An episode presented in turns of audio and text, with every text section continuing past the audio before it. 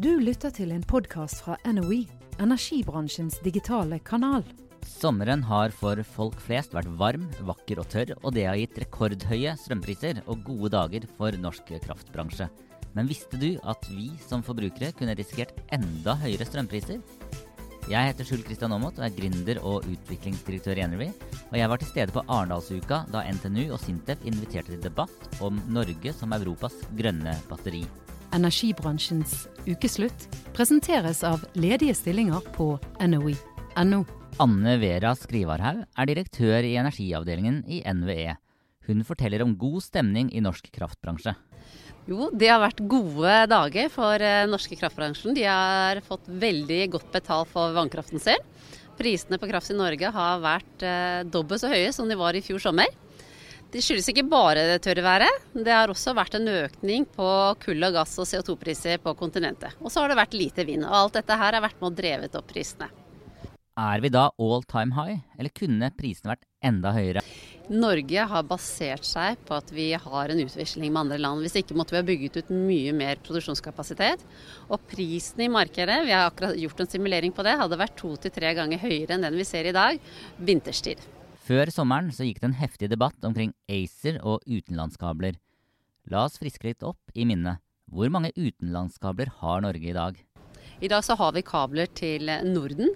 Det bygges en kabel til Tyskland nå, og det bygges en kabel til UK. Og fra før så har vi også en kabel til Nederland.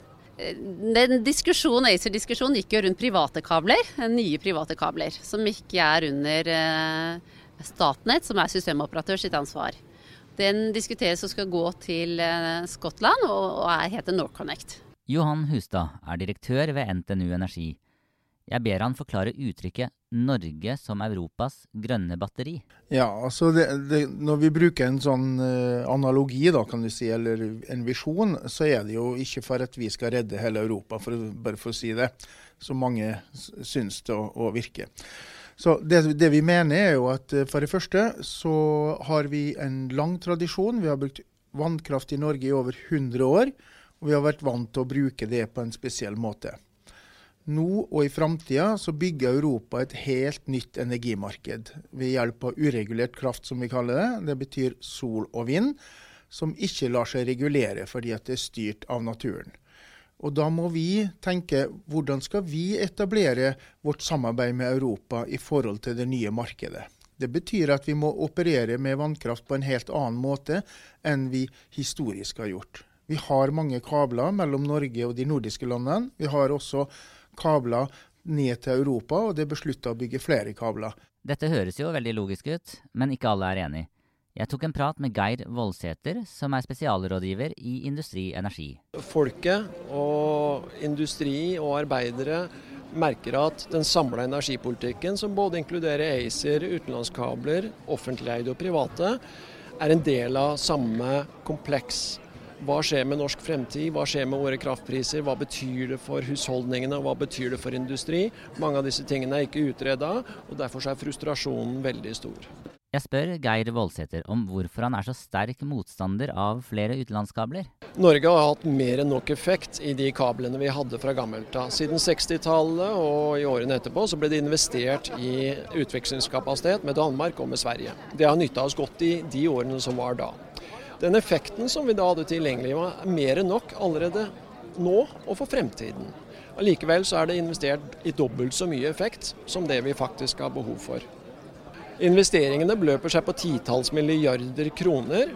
Regninga sendes uavkorta til forbrukerne for et tiltak som er ment å øke kraftprisen og inntektene til kraftselskapene. Geir Voldsæter er en person som engasjerer seg sterkt i energidebatten fra Industri Energi sin side. Og nå hadde det jo vært veldig kjedelig om alle hadde vært helt enig. Energibransjens ukeslutt presenteres av ledige stillinger på NOE.no. Nils Røkke er direktør for bærekraft i Sintef. Han leder også den europeiske energiforskningsalliansen ERA, som består av 175 forskningsinstitutt og aktører i Europa. Hvordan skal Norge tjene penger på mer eksport og import dersom vi ikke øker nettoeksport? Um, hvis vi da Eh, eksporterer 100 TWh per år og importerer 75 TWh, så er det akkurat det samme som om vi eksporterer 25 TWh og ikke importerer noe som helst. Netto er det 25 TWh i eksport. Men vi kan ta oss betalt for den lagringa og den fleksibilitetstjenesten som vi kan da levere til Europa av de 75 eh, som vi har å balansere på. Og Det er vårt poeng, at du kan få større verdiskapning av norsk vannkraft. Da må Norge være mer aktiv i sin energi-utenrikspolitikk eh, og kjenne sin eh, besøkelsestid nå. Og, og vise hva kan Norge bidra med i denne sammenhengen. Jan Pedersen jobber i Agder Energi og er head of office i Brussel. Jeg skulle gjerne sett at uh, mange flere av aktørene i EU som nå jobber med fleksibilitetsmarkedet, også hadde fokusert på vannkraft. Det gjør de ikke. Han forteller at vi i dag ikke får godt nok betalt for fleksibiliteten som norsk vannkraft gir. Eh, det, grunnen i dag er at eh, det er overskudd av fleksibilitet i kraftsystemet i Europa. Når det er overskudd av en ting, så betales det ikke noe særlig for det. I det øyeblikket at man avvikler kull, som er et viktig fleksibilitetsprodukt, og eh, atomkraft, som også skal avvikles, som er en, også et viktig fleksibilitetsprodukt, så blir det kanskje bli balanse og sågar underskudd. Når det begynner å bli balanse eller underskudd på en tjeneste, så vil prisen komme. Jan Pedersen mener altså at endringene i energimarkedet vil gi økt etterspørsel etter norsk vannkraft. Er norsk kraftbransje klar for disse endringene? Det som man vet er at Vannkraft vil være godt egnet for å dekke fleksibilitetsproblemene i Europa i fremtida. Men eh, for å komme inn i, vurderingene, så må jo Norge være interessert i å selge dette produktet. De må reise til Europa og si at vi har mulighet for å hjelpe dere med å løse dine problemer. Eh, og så må man på en måte forklare hvordan man kan tenke å løse det. At det er et rent produkt som kommer, at det kommer fra norske magasiner osv. Og, så videre, og at vi er langsiktige og troverdige leverandører. Ingenting av dette skjer i Europa. i dag. det er ikke bare fra Norge at ikke man kommer og selger vannkraft, men man kommer ikke fra de andre nasjonene heller. Og Det vil si at det er veldig lite fokus på det. og i virkeligheten så er det sånn at vannkraft dekker behovet for fleksibilitet i Europa i dag og brukes uten at det gis noe kompensasjon for det. Eh, det vil være synd hvis det også fortsetter etter at det blir veldig stort behov for det, uten å kompensere for de egenskapene det har. Så Derfor er det viktig at man jobber nå for å finne ut hvordan skal man øke verdiskapningen på vannkraft i det fremtidige europeiske kraftsystemet. Uten at det nødvendigvis behøver å bygge mer vannkraft i Norge, men man bruker den vannkraft man utveksler på en mye bedre måte. Men er forbrukerne i Europa opptatt av ren strøm? Jeg spør Nils Røkke i Sintef. Det varierer veldig fra område til område i Europa, hvilke land du er i. Eh, generelt vil jeg si at forbrukere ikke er så veldig opptatt av det.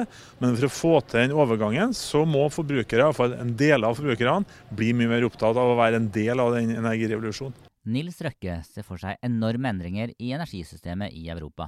Europa har sagt at 2030 så skal man redusere utslippene med 40, kanskje 45% Og 2050 eh, ja, da skal man være i henhold til Parisavtalen, som eh, plutselig kan bli kanskje null eh, utslipp i, i Europa.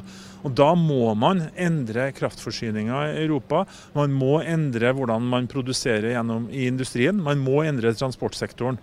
Og Da er det spørsmålet hvem kan tilby de løsningene. Vi tror at Norge kan tilby en andel av de løsningene. Vi lar Terje Søviknes, olje- og energiminister, ta en kort oppsummering. Det er jo en situasjon der man har eh, et kraftbehov i Europa.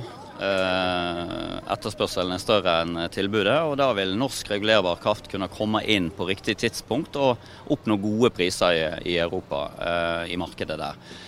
Og så vil vi kunne tilsvarende importere rimelig når nye fornybare og variable kilder som vind og solkraft eh, produseres som best, dvs. Si når vinden blåser og sola skinner, da må jo den strømmen som går inn i markedet, faktisk uh, ut. Uh, og, og, da kan vi importere til Norge rimelig kraft, av og til faktisk med negative priser til og med Europa. Og det som er viktig i forhold til den debatten som har gått nå, det er jo å understreke at Norge har alt å tjene på å handle med kraft. Energibransjens ukeslutt presenteres av ledige stillinger på NOE.no. Vårt velferdssamfunn er bygget opp ved hjelp av inntektene fra olje og gass. Jeg har til gode å møte noen som mener at vi ikke burde eksportere olje og gass, men holde all olje og gass igjen i Norge for å bidra til reduserte bensinpriser. Når det gjelder import og eksport av kraft, så er situasjonen helt annerledes. Hva skyldes det egentlig at en stor andel av Norges befolkning er motstandere av eksport og import av kraft? I et klimaperspektiv så virker det fornuftig å importere fornybar kraft fra sol og vind når det er billig, og eksportere fornybar vannkraft når solen ikke skinner eller når vinden ikke blåser på kontinentet. Spesielt dersom mer import og eksport av fornybar kraft kan også reduserer kraftprisene, slik som NVE kan fortelle at de gjør. Men dersom mer import og mer eksport av fornybar kraft bidrar til økte kraftpriser, så står vi igjen med spørsmålet hvor mye er vi villige til å betale for et grønt skifte med mer grønn fornybar energi i Europa? Du har nå lyttet til en podkast fra NOE, energibransjens digitale kanal.